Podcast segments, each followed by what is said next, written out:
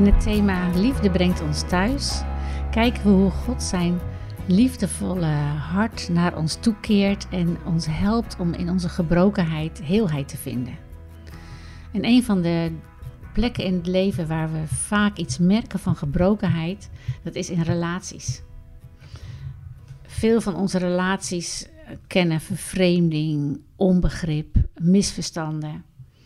En dat was ook het eerste wat er gebeurde in het paradijs.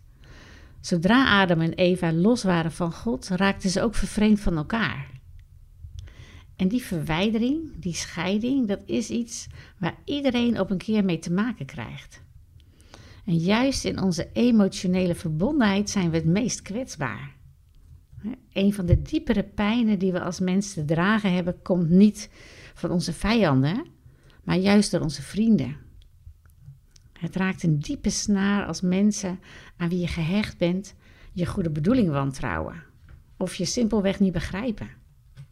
En dan kan je de neiging hebben om je terug te trekken of om een vervelende opmerking te maken. En dan raakt het weer een diepe snaar bij de ander, dat je hetzelfde doet. Herken je dat? Het is zo makkelijk om juist de mensen dichtbij ook de lelijkste kant van jezelf te laten zien. Het is zomaar een misverstand, een verkeerde opmerking. En dan lijkt het alsof je tegen elkaar gekeerd raakt. En dat is zo zonde. En daarom is het zo belangrijk dat we niet de ander als ons anker hebben in het leven, eh, maar dat we in onszelf, wat ik altijd vroeger tegen mijn kinderen zei, een heilig huisje hebben waar je samen woont met God.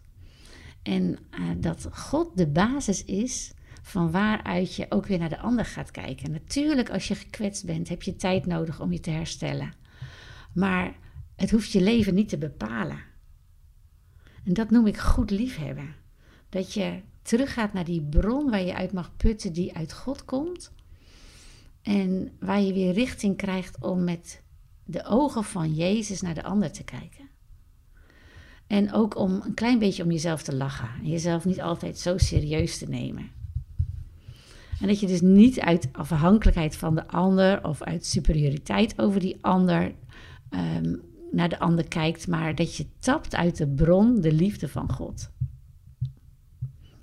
En Jezus, we danken u dat u voor uw vrienden bad. Dat u bad dat hun geloof niet zou bezwijken. Help ons om ook zo voor onze vrienden te bidden, met een oog op u. En help ons, Heer, vul ons zo met uw liefde, dat we uit die bron leven in al onze relaties, ook vandaag. Als we op school zijn of op het werk. Bij wie we ook tegenkomen, Heer. Geef ons u, uw ogen om de ander te zien. In Jezus' naam. Amen.